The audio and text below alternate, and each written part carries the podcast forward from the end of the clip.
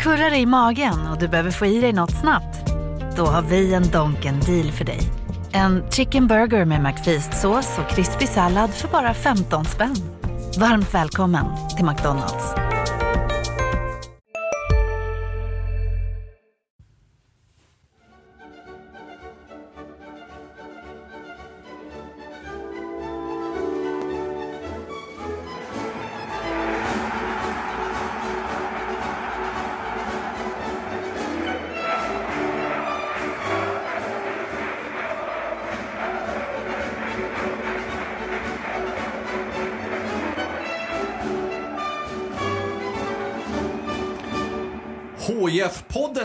Kickade ju igång säsongen 2022 redan för en vecka sedan. Men den här veckan, nu är fotbollssäsongen verkligen igång. För nu har HIF satt igång med sina träningar och haft sin första fotbollsträning. Och jag, Mattias Hjelm här, börjar med att fråga Marian Svab och Sebastian Rönnström.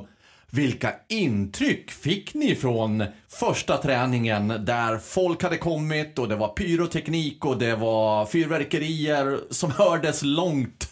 Jag, jag kan börja med att ställa en fråga till dig Mattias. Japp. Nu. Vi- Vilka spelare tror du tränade i kortbyxor? Eh, jag gissar på Brandur Henriksson. Stämmer? Jag gissar på, eh, inte Kalle Joelsson, inte Anders Lindegård.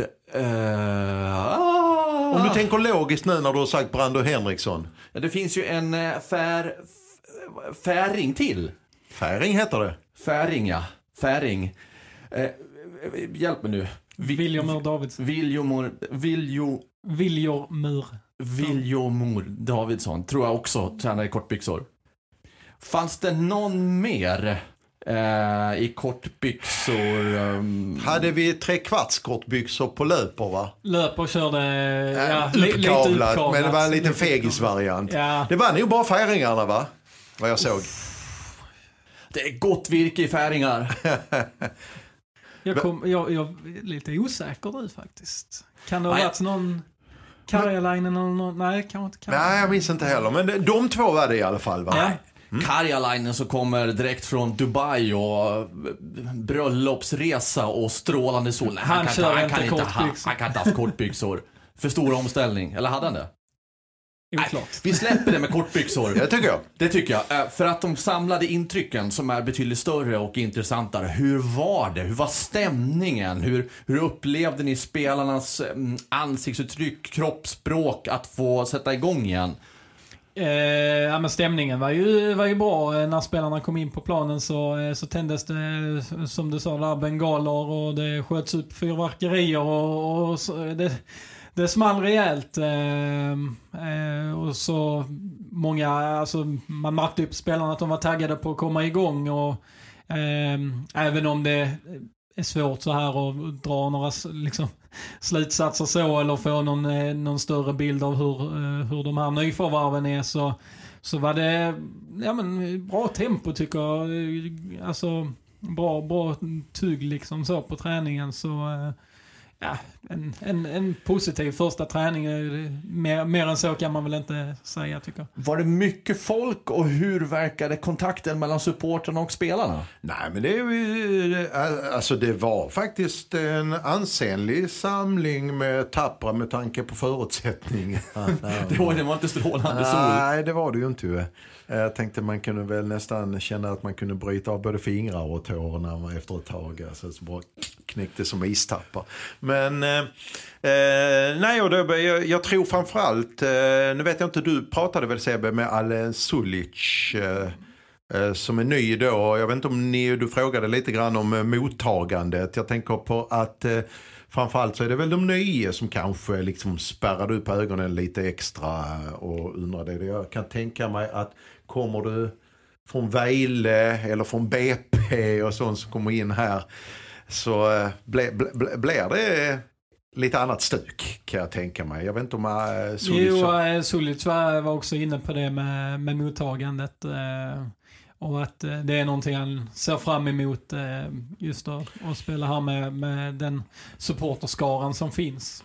Sen är det ganska naturligt att spelarna eh, kommer in med en helt annan liksom, eh, känsla i kroppen jämfört med för ett år sedan när man har blivit degraderade. Jag minns att jag var på den här, det, var ganska positivt ändå för Jörgen Lennart som var ju ny och eh, liksom eh, sköt in energi. Och Mattias och så, Lindström tillbaka. Mm, ja, men det var ju, eh, det var kanske inte så, det var ju mycket mer folk igår ju till exempel på plats och det var något lite, gam, lite annat känsla i luften och så lite annat med förväntningar. Så, givetvis för att det är allsvenskan. Då var ju HF en ganska stukad klubb för ett år sedan. Eh, visste inte var man var på väg och sånt. Eh, nu känns det ju mer som att vägen är lite mer synlig. Var man ska, truppen är på plats, eh, eh, stora delar av truppen till skillnad mot förra året. Och så vidare. Så att eh, känslan är ju att det var lite grann, ah, mer liksom att, eh, lite mer sug i det, lite mer axlarna upp och raka ryggar nu. Just den här skillnaden att komma ner från allsvenskan, börja om i superettan, första träningen, eh, ett lag, en klubb som HIF där man inte tycker att man ska vara, man känner sig felplacerad och tvingas börja om med det. Det är klart att det är en helt annan känsla jämfört med nu, när man har tagit sig tillbaka och på ett sätt som där man nästan var uträknat. Man höll på att missa kvalet och sen så, ja ni vet hur det gick. Och sen får då spela i Allsvenskan, börja, få ett välkomnande av supportrarna. Det måste ju vara någon slags av lyckorus, där allt bara är optimistiskt. Jag höll lite extra koll faktiskt. Eh, nu, nu var det inte så lätt eftersom alla var ganska påpåsade. Men han syntes ganska tydligt. Lagkapten Anthony van den Hurk. För ett år sedan så var, det ju, så, så, var han rätt tydlig med att han vill, han vill inte gå ner en serie. Han skulle ju spela någon annanstans. Det var han öppen med också dessutom. Uh, och man såg att det, var, tog lång tid under försäsongen. Han hade ingen bra försäsong heller ju. Uh, för att, mest för att han kände att han längtade bort lite grann. Nu såg man honom med ett stort leende. Uh, vet om att uh, HIF är, e- han ska ställas mot Eh, eh, eh, I en premiär ska han åka till Stockholm och möta Hammarby. Man såg hela, att han sken på ett helt annat sätt. Och det bara en sån förvandling tror jag till exempel att det betyder väldigt mycket både för honom och framförallt för laget. Så det, det, det var ett sånt intryck som jag kände ett ögonblick som jag jag misstänker att det fanns... Jättestor skillnad. Precis, jag misstänker att det fanns också flera ögonblick där man, man kunde se spelare säga hej och morsa lite på, på supportrar, att det fanns någon slags närkontakt där i, en, i ett sånt här tillfälle.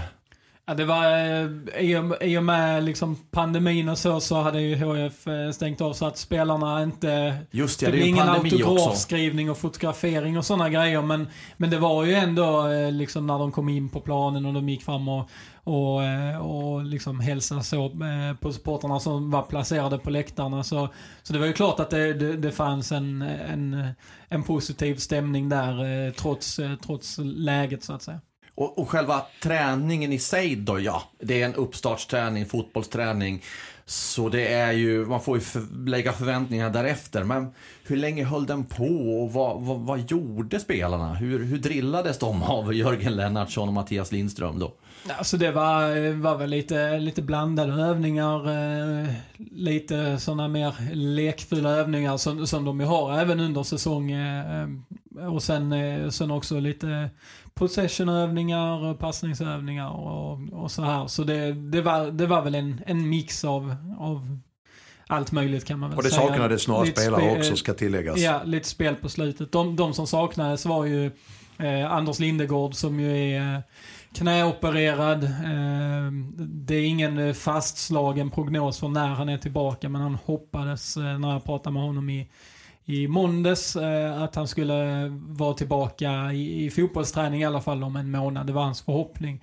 Sen saknades Emil Hellman, Jakob Fulkerling Persson som ju skadade korsbandet förra säsongen och nyförvärvet Somar Almadjed som eh, också har en knäskada. Eh, de, de var ute på planen eh, men eh, körde, körde för sig själva. Eh, och Landgren? Landgren saknades. Rasmus Jönsson saknades. Och Viktor Göransson är ju inte heller med i liksom, spel och så. Men eh, annars eh, var väl alla på plats om jag inte har glömt någon. Eh, så det, tre av fyra nyförvärv eh, var ju där. Och de övriga nyförvärven då, ska vi bara säga dem igen. Säg den färingens namn en gång till. Så ska jag försöka lära mig det så Vil- småningom. Viljor Mur Davidsen. Viljormur.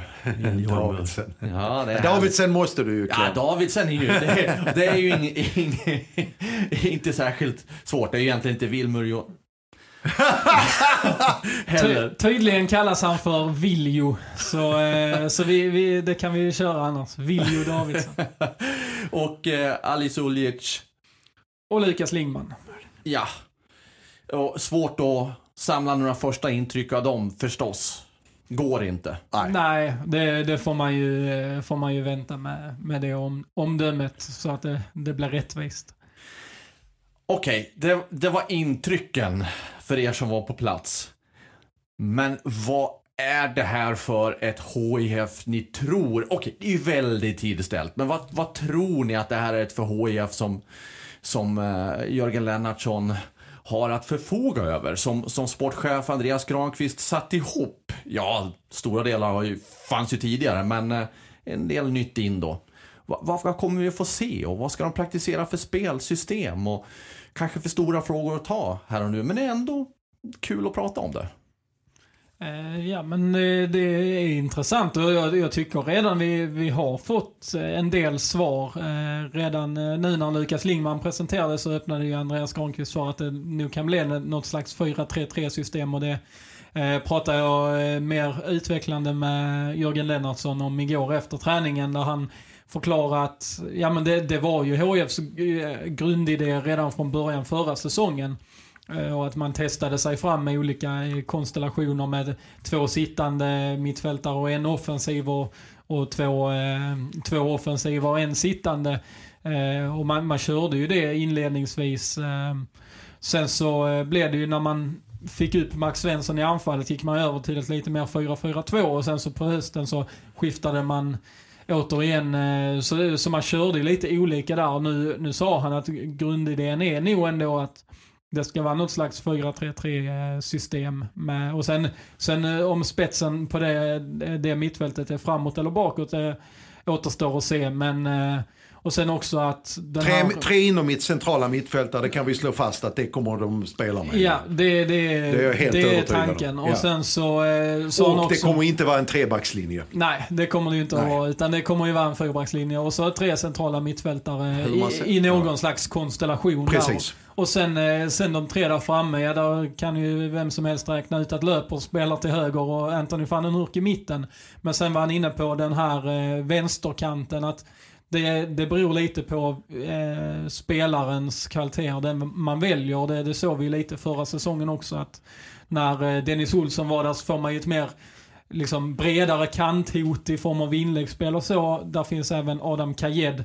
Eh, till exempel Benjamin Aqua har ju också spelat där som, som är mer spelare som går inåt i planen. Så, så det, där, där pratar han om att man vill ha en flexibilitet och kunna, kunna välja mellan. Han refererade till, eh, till när han var i IFK Göteborg och eh, Jakob Ankersen hade den rollen ute till höger som lite mer påminner om löper då och Sören Rex eh, som var mer den spelaren som gick inåt i planen och att det, det är ingenting är hugget i sten men att det är liksom en, en eh, form av eh, eh, konstellation man, man kan tänka sig att köra. Jag tror också det är som Sebbe är inne på, vi var inne på det igår, vi pratade lite grann i samband med, om det var innan eller under träningen, är att också att det här med att eh, man anpassar sig, alltså vissa tränare anpassar spelsystem efter materialet. Eller så börjar man i andra änden här. Och jag tror ju att eh, här kommer det ju bli det här med att eh, man, eh, man har det materialet man har och så får man liksom se, se, använda det på bästa sätt så att säga. Så det är det som avgör vilket material du har i slutändan ju. Ja, och sen så eh, har man, om man då ser på profilerna som man har plockat in, eh, en sån som Somar Al-Madjed till exempel, som ju var otroligt framgångsrik i, i Boys eh, som sexa.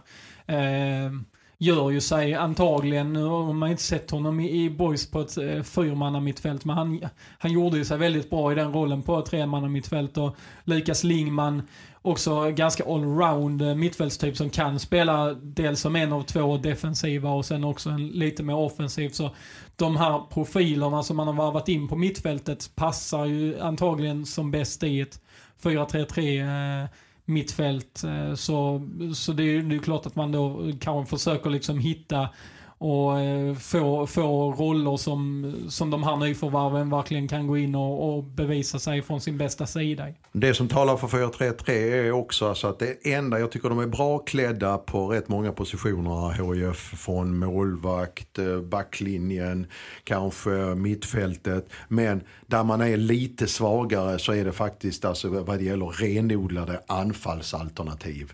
Vi har ju Assad Al-Hamlavi som man inte vet var han står efter förra säsongen. Karjalainen får vi se nu efter för med han eh, eh, och sen så har vi Anthony van der Hur som är given då på topp. Och i ett 4-3-3 så kanske det är så att eh, då räcker det med honom som anfallare. Och sen så liksom eh, garnera med det, liksom det du har i offensiva mittfältare runt omkring. Istället för, eh, eh jag tror man tänker lite grann så faktiskt. En annan intressant eh, sak som Jörgen Lennartsson pratade om igår var, var just det här med att han, han, menar att det är svårare att spela nu, nu för tiden med två, eh, med bara två centrala eh, mittfältare.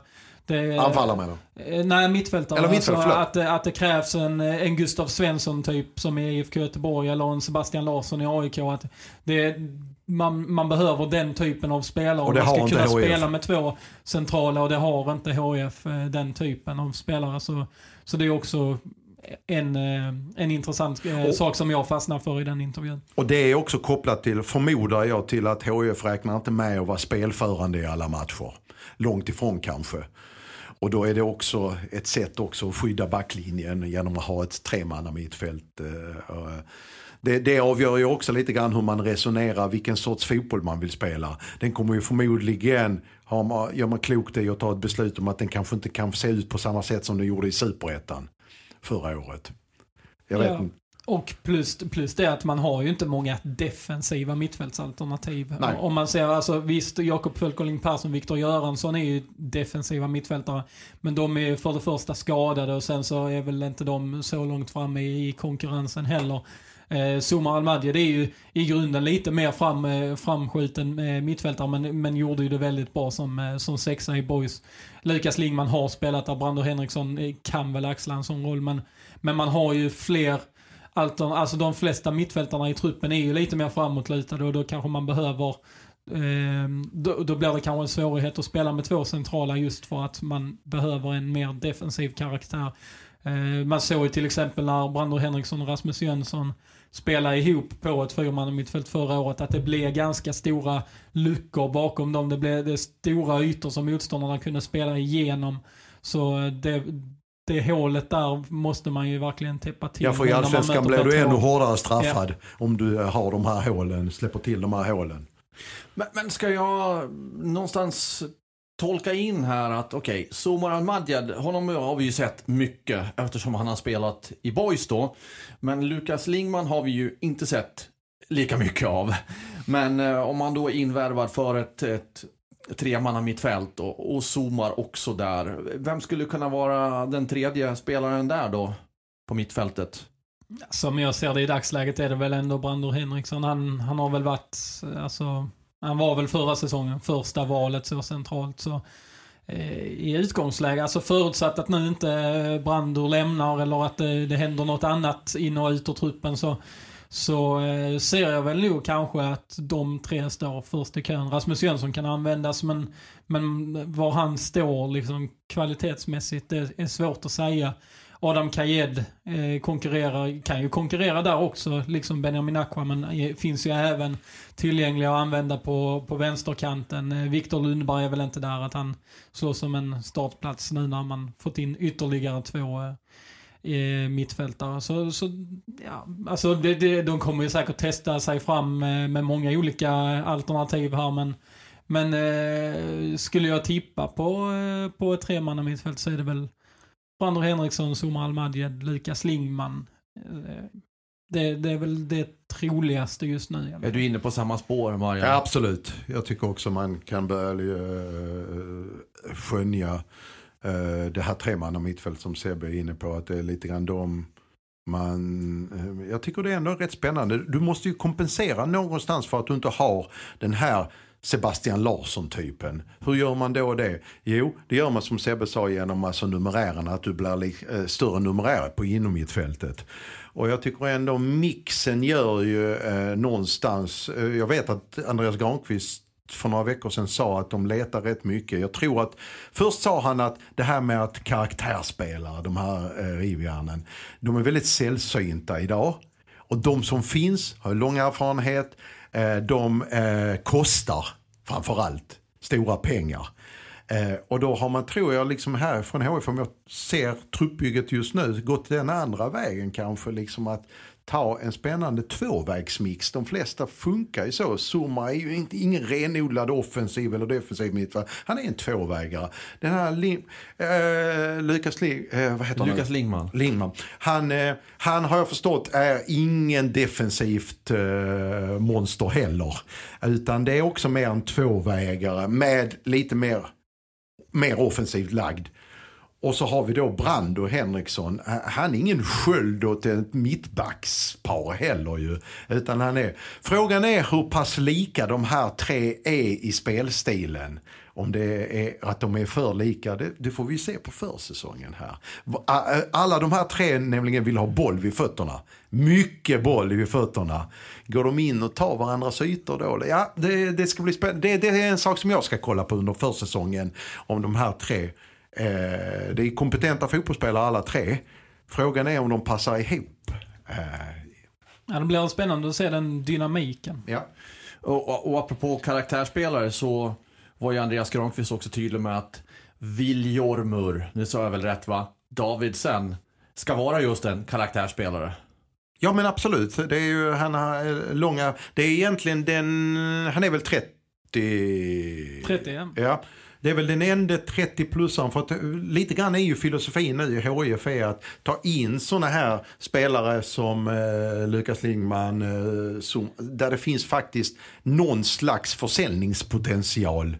Eh, förhoppningsvis lite längre fram med tanke på utvecklingen. Här tar man in, alltså här, här eh, räknar man inte med att få eh, betalt tillbaka de här pengarna man investerar i en 30 30-åring. Men han har andra egenskaper. Han har spelat ett ex, han har spelat 7-8 år i Vejle va?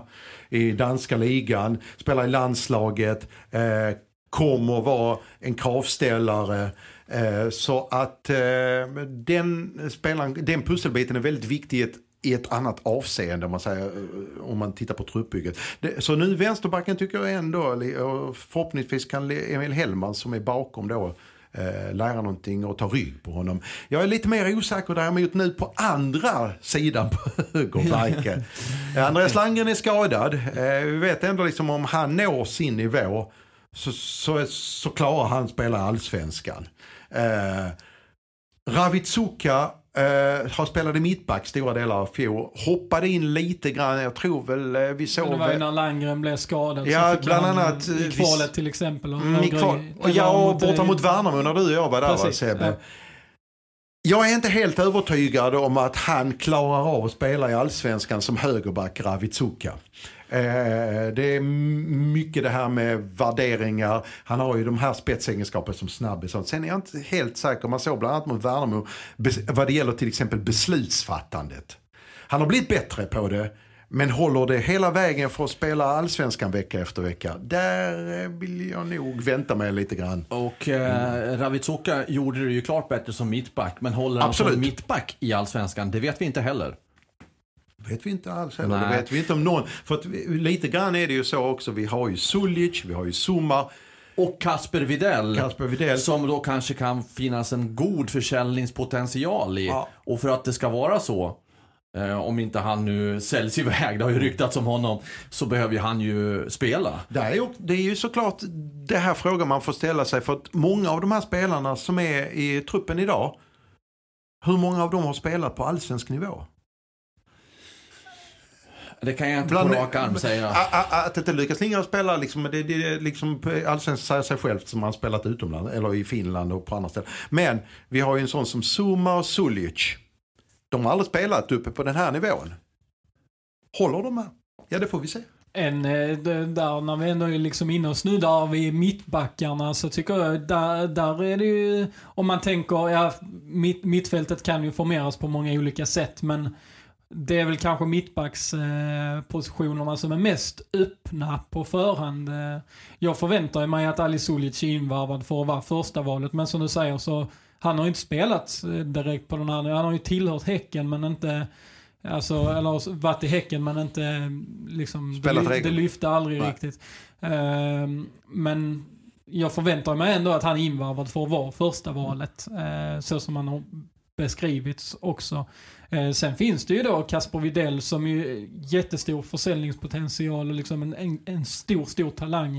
Eh, Charlie Weber som är den mest erfarna av de här spelarna men som eh, bla, han, han gjorde ju eh, till stora delar en jättebra säsong i Superettan men hade också sina dippar.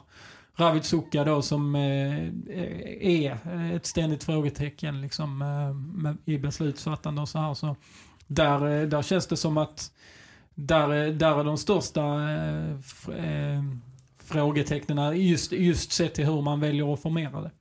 Jag är ju ingen fotbollskrönikör så jag kan ju inte komma med personliga reflektioner och tyckanden i mina texter. Men i poddformat så kan jag ju faktiskt säga någonting personligt. Jag tycker ju att det är så väldigt befriande när en spelare vågar gå ut med sådana ord som Kasper Videll gör. Han har spelat nu i Superettan då, ja han har ju spelat i Allsvenskan året innan en del så, men han är ju inte etablerad på allsvensk nivå. Men att, att vara helt övertygad i sin egen eh, tro om att han, han ska bli en av världens bästa mittbackar. Alltså en av världens, när jag snackade med honom och, och, och så, så, i princip sa jag att ja, men då ska du bli bättre än din läromästare då, om man kan uttrycka det så, Andreas Granqvist.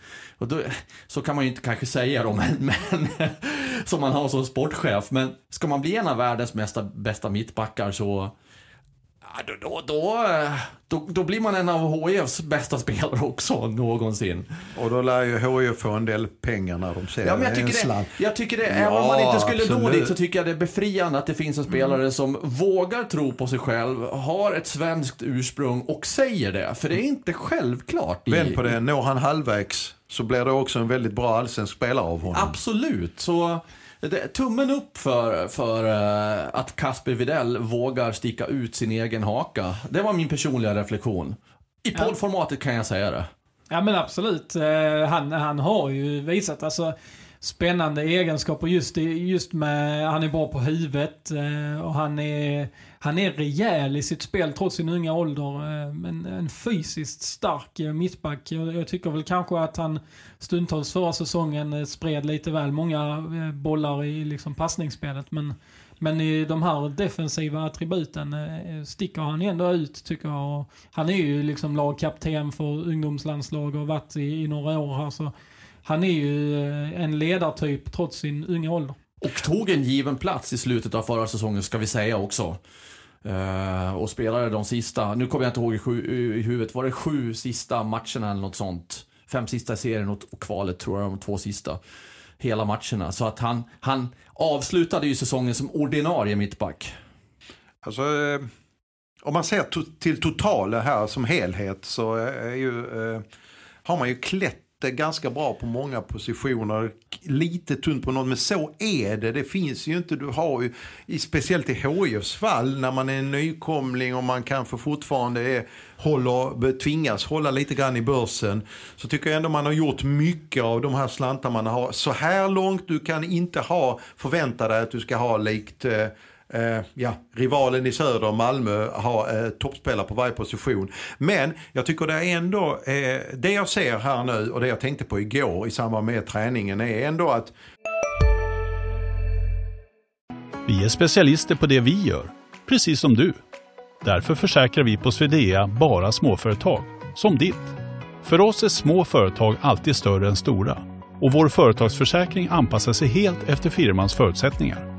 Gå in på swedea.se företag och jämför själv. Hej, Synoptik här. Hos oss får du hjälp med att ta hand om din ögonhälsa. Med vår synundersökning kan vi upptäcka både synförändringar och tecken på vanliga ögonsjukdomar. Boka tid på synoptik.se. i fjol hade du kanske inte, hade du ändå 12-13 spelare här. Här kommer vara, tror jag, fler spelare som inte kommer vara nöjda genom att de inte kanske kommer få den speltiden i år.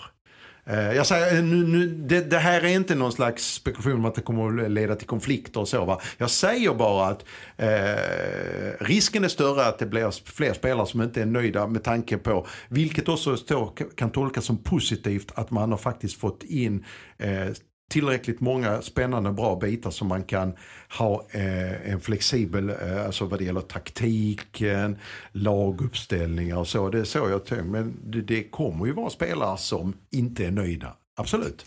Och det är ju en helt annan, eh, alltså det, det är mer genomtänkt den här gången än om man jämför med 2020 blir det ju. När, eh, när Olof Mellberg då eh, hade kommit in på hösten före och sen så blev det ju en enorm eh, omorganisation i truppen. Nyförvärven som kom in då, ja det var Martin Olsson förvisso hur bra som helst men han skrev liksom tre korttidskontrakt på ett år. Mm. Mix Diskerud kom in eh, dagen innan premiären och fick en, en stor roll och han var väl kanske inte ens påtänkt överhuvudtaget från början.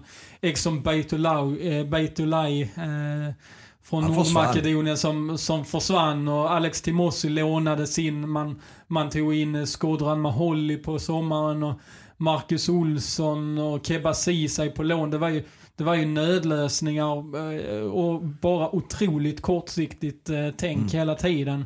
Så eh, här, här, finns ju en tanke från början om man skriver längre kontrakt med spelarna. Och, eh, och det, ja, det, det, är mycket mer genomtänkt. Sen, sen huruvida nivån... Och skriver kontrakt med spelare där det faktiskt finns en chans att få tillbaka investeringen. Precis, det, det, var, eh, det har de också varit noga med. Liksom att de de plockar in ska ska kunna generera pengar eh, och det, det, är viktigt eh, för HIF. Och just, eh, just sen, sen huruvida kvaliteten på truppen står sig i Allsvenskan, det, det är svårt att säga nu med tanke på att man man förra säsongen inte imponerade i Superettan men ändå gick upp. Så det, det är klart att, att alla spelare måste upp flera, flera nivåer. Men, men det finns en en struktur i truppen som är betydligt mer genomtänkt den här gången än vad den var 2020. Jag tar tag i den där tråden lite grann för jag, skulle också vilja bara påminna om att HIF är nykomling i allsvenskan. Eh, när vi pratar här, det är mycket positivt och strukturen verkar vara satt, organisationen är där och man har kunnat eh, mer pinpointa vilka spelare man faktiskt söker och hitta dem och skriva på långa kontrakt, allt det där. Men HIF är fortfarande nykomling och vi vet att allsvenskan är skiktad. Eh, vi vet också att eh, det behöver bli träff på de här spelarna som man värvar in för att det ska bli en en lyckad säsong och för att de ska kunna säljas vidare. Så eh, man får ha med sig eh, alltså, lite grann av det här att stå med fötterna på jorden också och vara medveten om att ja, nu har man kommit så här långt men nästa blad är inte skrivet än. Så är det ju. Uh, det... Man måste ju göra den här vägen och försöka och hoppas ja, och tro precis. att man gör rätt. Självklart. Ja, ja bara att det är så enkelt att, att sväva iväg och, och, faktiskt glömma bort att, vänta nu, HIF ska ta sig an allsvenskan. Eh, ja, man har en stolt historia, men eh, Alltså där finns ju en ganska tydlig i dagens fotboll också. Där om du tittar på eh, ekonomi och placering, korrelationen däremellan. Och det stämmer till 93 procent liksom utifrån den omsättningen en klubb har och den placeringen det har. Och det, det, där, där HIF är idag och sånt.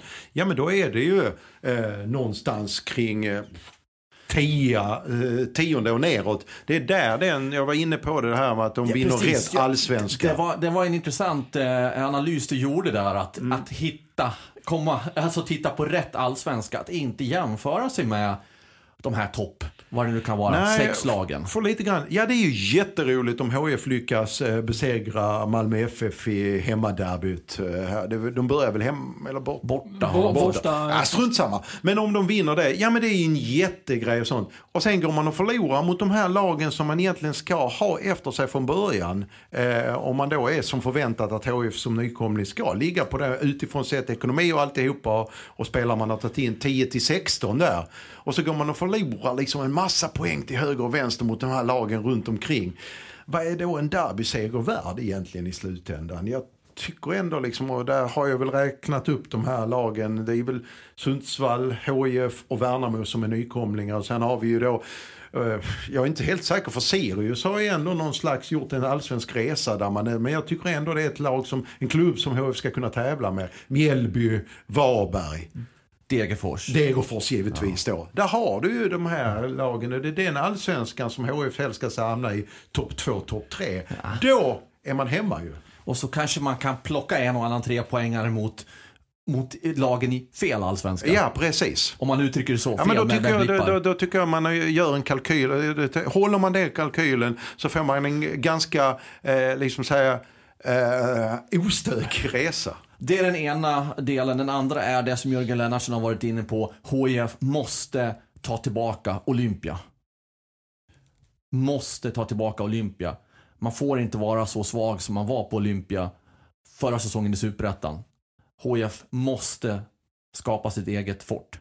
Så är det helt klart. Eh, framförallt nu i, i allsvenskan när man, eh, när man möter eh, betydligt bättre lag. Då, då behöver man ha någon slags, alltså man har, behöver ha en trygghet. Eh, och då, den är ju lättare att bygga på hemmaplan än på bortaplan. Även om HF var bäst, eh, bäst i serien eh, på resande fot förra, förra säsongen så, eh, så behöver man ju ha en, en helt annan trygghet på hemmaplan. Får jag leverera en spaning? En spaning som eh, inte är så här: wow, det var ju det var mycket Einstein över det, Hjelm. Inte riktigt på den nivån, men en, liten sån här tanke ändå. Jag vill koppla tillbaka till spelschemat och tidigare år. Vi tittar på spelschemat först och främst. HIF har alltså under de första matcherna Hammarby borta. Tufft. Göteborg hemma. Göteborg var inte topplag förra säsongen. Men eh, känns väl ändå som att de under hösten fick mer ordning, ordning på det. Så Absolut. De, Absolut. de, har, de är ju ändå ett på pappret eh, hyfsat tufft motstånd. Absolut, det är jag med på. Men min, min poäng kommer snart här. Sen har man Sirius bortaplan. Det har vi pratat om att hur de har växlat upp under Henrik Rydström inte minst. Eh, när han var där. Eh, och sen så har de fortsatt på eh, fortsatt vara starkt lag. Elfsborg hemma, tufft. Ett av de absolut bästa lagen. Och så Häcken hemma. Halvtufft får man väl säga utifrån hur det har varit. Alltså det, det jag vill säga med spelprogrammet de fem första omgångarna. Det är inte det svåraste och inte det lättaste. Någonstans mittemellan. Ja, Är det med så långt? ja men det, det håller jag väl med om. Man, man har ju inte Malmö, AIK, Djurgården eh, där i början som är de eh, på förhand allra tuffaste. Men, eh, men Hammarby borta i en premiär. Det, får det lov att vara 30 000 i publiken där så kommer det att vara det. För där, eh, där kommer att vara ett galet tryck i, eh, på Tele2 Arena i så fall. Sen eh, Göteborg eh, snuddar vi ju där och Elfsborg då som du nämner, nämner är också eh, väldigt tufft eh, motstånd. Så eh, de, de har ju ingen sån här, ja Sirius är väl det på pappret lättaste av de här fem lagen men de är ändå, det är ett gediget lag det också. Man har inte de här Värnamo, Varberg, eh, Degerfors liksom, Sundsvall. Nej, för eh, några av de här kommer lite senare. Efter de här fem första matcherna så har HIF Mjällby borta. Sen har man tuff match Norrköping hemma. Sen kommer Degerfors borta, Värnamo hemma. Därpå följer de här riktigt, riktigt tuffa lagen. AIK hemma, Derby, Malmö FF borta. Men då är vi framme i sommaren. Nu vill jag titta tillbaka till 2019 när HIF var nykomling förra gången. Då började HIF med att besegra Norrköping. Man förlorade borta mot Häcken. Man vann hemma mot Hemmaby, förlorade borta mot Göteborg och spelade oavgjort mot Sundsvall de fem första matcherna. Man tog 7 poäng av 15. Året därefter, som det blev den här misslyckade säsongen som slutade i degradering, så började man hemma mot Varberg 0-3, förlorade borta mot Kalmar 4-0, HIF Elfsborg 0-0, Häcken HIF 1-0, HIF Mjällby 0-1. Ni kommer ihåg den här mardrömmen. Eh, en poäng av 15 på de fem första matcherna och 0-9 i målskillnad. Det jag vill säga i min lilla spaning här är att de här fem första matcherna har en betydelse för resten av säsongen. Det är inget Einstein över det, men och man, jag, jag, kan inte dra slutsatsen att ja, tar man bara en poäng första fem omgångarna som 2020, ja då blir det degradering. Inte så, men jag skulle nog vilja påstå att HIF för fortsättningen behöver skramla ihop, kanske någonstans i paritet med 2019 när det var sju poäng på de första matcherna för att få en, en, en eh, resa är så slitet ord, men en resa då eh, in i allsvenskan för fortsättningar där det inte hela tiden är en kniv mot strupen och ett slagsmål för att göra mål ens och, och, och ta poäng. Ja, vi såg ju förra säsongen ett lag som Häcken som har helt andra förutsättningar än HIF och som var tippade till och med slåss om SM-guldet. Fick ju en katastrofal start och den hängde ju i. Även om de till slut eh, redde ut kontraktet rätt så tryggt så var de ju indraget i bottenstriden eh, länge. Så, eh, och då har ju de ett helt annat spelarmaterial än vad HIF har. Eh, så så det, de, de hade kanske bättre förutsättningar då att på sikt alltså, växa under säsongen än vad HF eh, kanske kommer ha. Så, eh, så absolut som nykomling här och, och med den eh, Alltså att HF inte eh, gick, gick som tåget liksom i Superettan förra säsongen så kommer det ju och, och antagligen att vara viktigt att få, eh, få bitarna på plats tidigt. Ja, eh, det var min poäng att HIF behöver ta poäng tidigt. Ja, det var en bra spaning. Ja, in, inte så nej, jätteanalytisk nej, men, men eh, och, och, inte så att någon annan inte hade kunnat komma på den heller. men jag tyckte det var värt att titta tillbaka en liten så. sväng för att uh, sen kunna blicka framåt. Det har tillkommit, sen vi pratade eh, förra veckan, så har det tillkommit ett par träningsmatcher. För HIF ska till Marbella på träningsläger. Möta Brann. Tanken är ju att vi ska vara på plats i någon form. Det med. Och vilka ska HIF då möta? Eh, det blir matcher mot Brann från Norge och Honka från Finland. Vilket summerar ett träningsmatchschema med motstånd från fyra länder har jag läst hos oss. Ja. Och det kanske kan vara en poäng Och inget allsvenskt motstånd. Nej. Vilket är högst medvetet eh, valt av eh, HIF. Eh, enligt eh, när man pratar med ansvariga fotbollsansvariga. Att man inte vill möta konkurrenter, och då, och då får vi se om de gjorde rätt val. För det vet ingen än. Den spåkulan eh, har inte jag tillgång till i alla fall. Utan det får man kolla i efterhand. Gjorde HIF rätt där eller inte? Det blir ju renodlade träningsmatcher också dessutom eftersom de inte är med i kuppen. Nej, och det är ju en miss. Ja, absolut. Men det kan man inte göra någonting åt nu. Det går inte att gråta över den berömda spillda mjölken. Nej, det är ju mest träningsmatcherna är ju vad de är. Och så det, det man vill se ju att, eh, att saker och ting spelmässigt funkar. Eh, jag menar om de, nu möter de väl till att börja med Hittarp här nu om nästa helg va?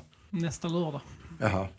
Skulle det liksom bli ett eh, halvkackigt resultat eh, mot ett eh, division 2-gäng Ja, men det, det, är ju inte hela världen. Sen när man kommer in väl i en två, tre, fyra matcher vill man ändå säga att jaha, de här mittbackarna, de, de har kemi, de här två mittbackarna, börjar få kemi.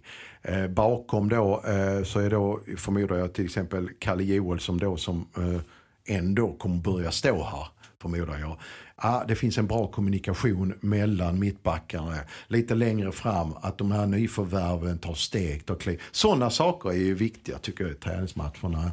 Eh, hellre, jag tar inte så stor notis om, ja det är klart. Förlorar man samtliga träningsmatcher eh, så, så, ja, då går man inte in i serien med en god känsla. Med en god känsla, nej precis. Men i övrigt eh, så om några veckor här nu så vill man ju säga att eh, allt det här de har föresatt sig det de vill göra Eh, från det de påbörjade denna veckan, att det har kommit längre fram. Alltså både vad det gäller defensiv och offensiv. Och så. Och den här tiden när träningsmatcherna drar igång så är det ju fortfarande så att truppen inte är 100% spikad. Det kan fortfarande hända saker. Både med spelare in och spelare ut. Och det finns ju en del rykten här. Ja det gör det. Senast igår var det väl, eh, kom eh, Expressen Igår uppgifter, onsdag. Igår onsdag eh, kom Expressen med uppgifter att Adam Kajed har intresse från AIK. Även Utrecht från Holland nämndes, nämndes där. Men att HF har satt en hög prislapp på honom. Och, Vad var prislappen? 15, 15 miljoner. Det kommer ingen svensk klubb betala för Adam Kajed. Nej, det, Nej, ska det låter högt. Eh, inte för att vara elak på något sätt mot Adam eller eh, liksom respektlöst. Det är bara det att de här summorna betalar väldigt sällan svenska klubbar, även om det är AIK. Nej, och, och inte ens Malmö FF är ju i och för sig nu dubbla summan så det är väldigt mycket pengar. Är ju säkra på att betala 30 miljoner för Antonio Colak.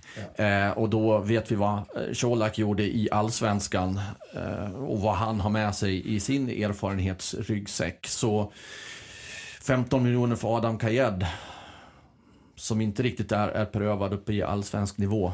Ja, det är ingen, det är ingen allsvensk klubb som betalar eh, de summorna.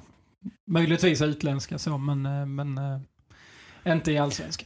Kasper Videll har det cirkulerat rykten om. När vi spelar in det här så är han ju fortfarande en hif spelare Och det kanske bara är rykten också. Men jag har glömt, vad var det för klubb? Var det belgisk klubb? Genk. Var det Genk, ja. ja. Anthony van den Hurk kommer väl alltid att finnas eh, frågor kring. Inte, inte, inte minst genom att Andreas Granqvist ändå sagt när du intervjuade honom Sebastian att det börjar dyka upp lite intresse. Men han namngav ju inte vilka spelare det handlade om. Ja, med sex månader kvar på kontraktet snart så får ju Anthony börja prata med vilka klubbar han vill ju. Uh, vi börjar närma oss den här gränsen. Där det är fritt fram för andra klubbar. Och uh, i sommar så är det ju uh, ett gäng ligor ute i Europa i och med att de spelar höst-vår. Och klubbar som där HIF kanske ställs inför ett val Antingen behåller vi Anthony för han är så viktig säsongen ut. Om han nu inte förlänger med HF. Ja, det kan ju också hända. Eh, kan också hända ju förstås ju. Eller så släpper de honom och tar, tar den lilla slanten man får. För, för, för en av de här spelarna som, man kanske, som är i den åldern där man kanske inte kan räkna med. Och få tillbaka investering. Eller det får man ju inte såklart ju. Nej, så Hurk kan vara en av de spelarna det finns intresse kring. En annan kan ju vara Löper såklart som hade en stark säsong.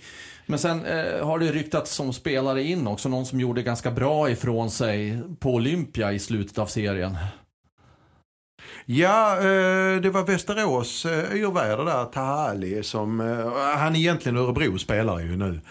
Och det har ju varit rykte, vi har ju vår koncernkollega Nerikes Allehanda som har gått ganska långt och sagt att det i princip är klart att han är klar för HIF.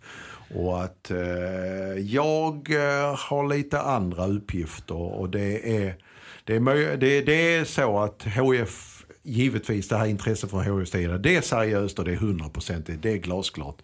Och de har ju sina ingångar i Örebro, våra kollegor i Närkes. Så det, det är självklart. Eh, håller det inte alls för otroligt att HIF och spelarna har, eh, är eller har varit överens. Men i så fall att det faller på att eh, Örebro, precis som HIF för sina spelare, vill ha bra betalt. Och att det där någonstans för tillfället är stopp. Så det kan falla i någon ren övergångssumma ja, i, i huvudsak här? Örebro vill ju ha betalt eh, för sina spelare i och med att de får också, det är en omstart för dem i superettan. Eh, så de kommer inte heller rea ut sina spelare Lika lite som det, och det, det, det är väl ingenting att säga om. Men om han ändå inte och var... De summorna som nämndes av våra kollegor, om det då stämmer kring, vilket det troligtvis gör för de har ju som sagt koll på Örebro. Eh, det är ju två miljoner. Eh, och det är väldigt mycket pengar för en spelare som lånades ut från ett bottenlag i allsvenskan ÖSK till Västerås. Att han sen imponerade på Olympia, ja det gjorde han. Och han imponerade ändå hela hösten med att göra poäng i Superettan. Men fortfarande, han tog, äh, han tog ingen stor roll i ett bottenlag i allsvenskan. Det kan också vara Är han så. värd då 2 miljoner? Nej, det, det, klubbarna sätter ju så höga prislappar man bara kan. Antingen för att avskräcka eller för att såklart, eh, inte minst för att få ut så mycket pengar som möjligt om det ska, när det väl blir en försäljning. Eller så tycker en annan allsvensk klubb eh, eh att det är värt att lägga de två miljonerna och sånt där. Men jag tror att det väldigt, tar väldigt långt. Vi ska nog inte räkna med att Taha Ali, om han överhuvudtaget hamnar här, eh, står på träningen inom kort på plan 10 på Olympia. Det, det där är vi nog inte. Nej, och, och i Taha Alis fall så kan det också vara så att eh, nu när de ska spela i Superettan, eh, Örebro har en ny tränare, att han, han ses på ett annat sätt inifrån Örebro också.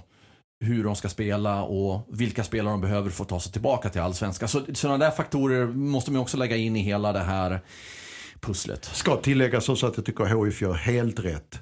Eh, om man tycker, har man en budget, en spelarbudget och, och, och anser att så här mycket värderar vi spelaren.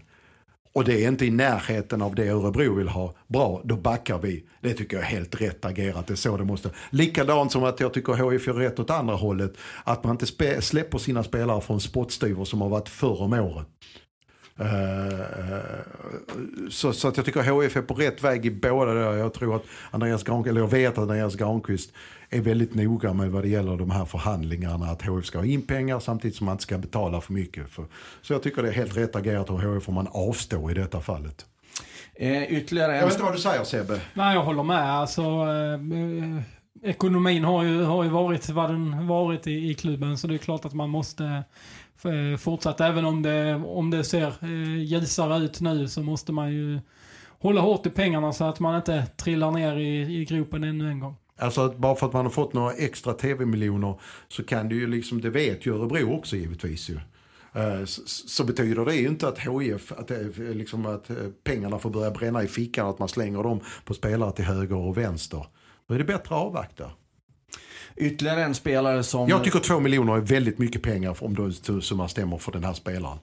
Hur bra, liksom hur... Det låter mycket, om- ja. Det låter väldigt mycket, så jag tycker det är, om det är det som stämmer och att inte Örebro backar så tycker jag HIF är rätt i att backa.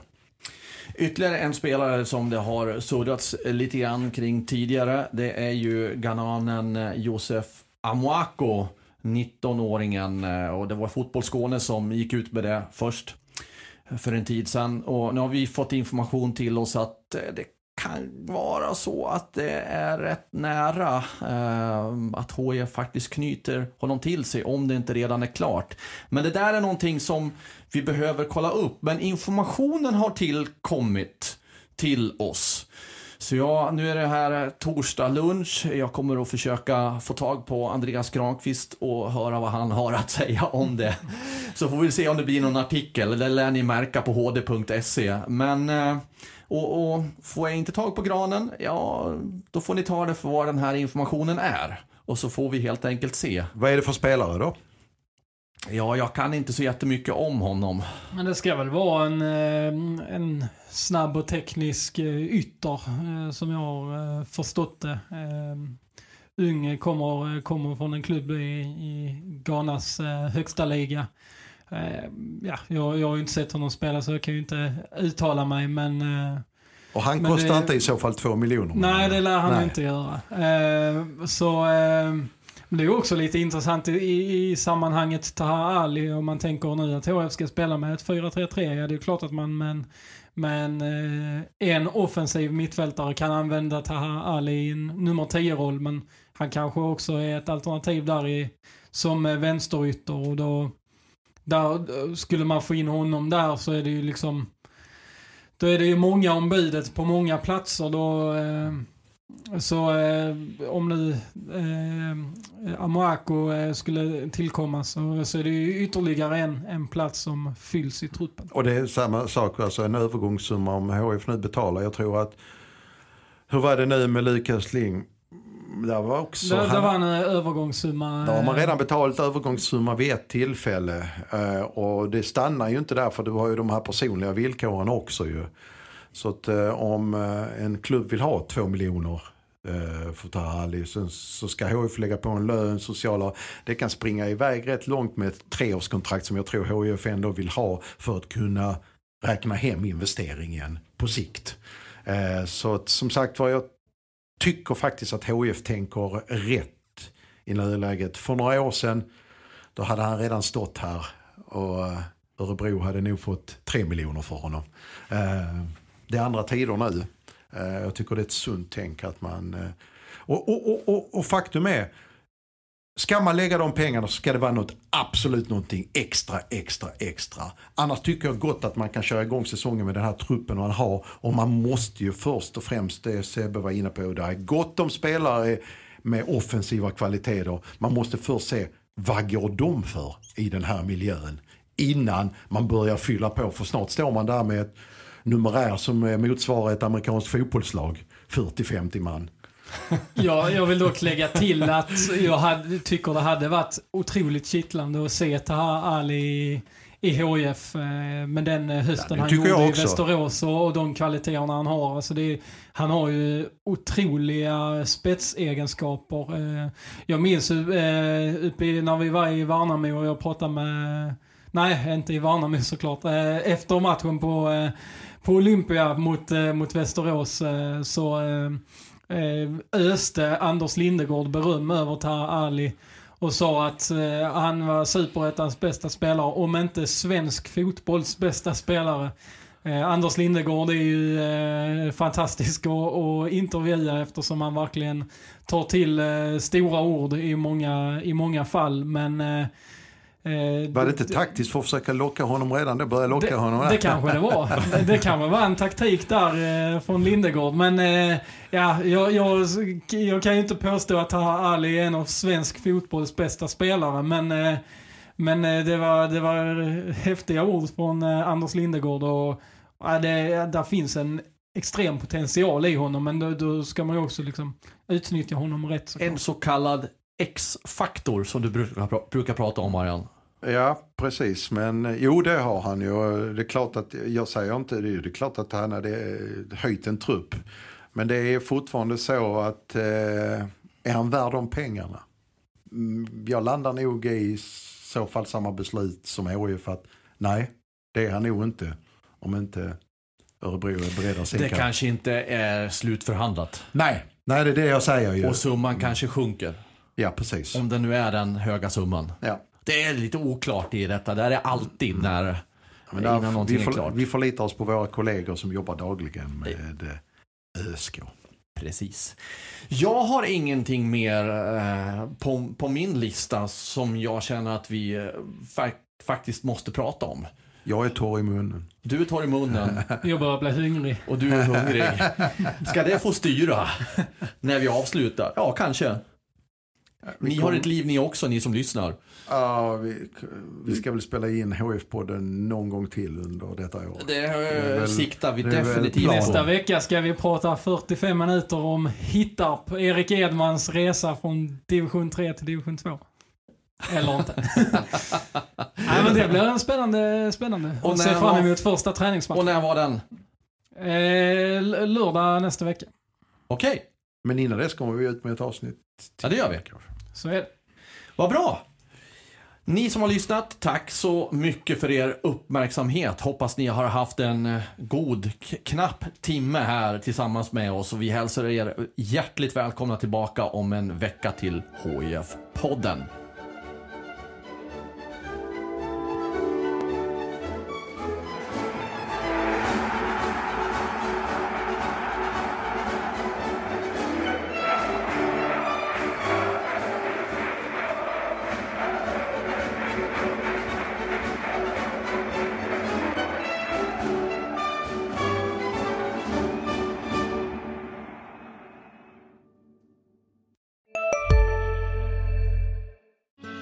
Susanne Axel här. När du gör som jag och listar dig på en av Krys vårdcentraler får du en fast läkarkontakt som kan din sjukdomshistoria.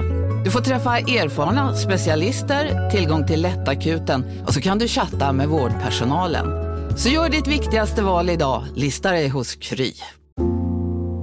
Ska några små tassar flytta in hos dig? Hos Trygg Hansa får din valp eller kattunge 25% rabatt på försäkringen första året. Läs mer och teckna djurförsäkringen på trygghansa.se. Trygg Hansa. Trygghet för livet.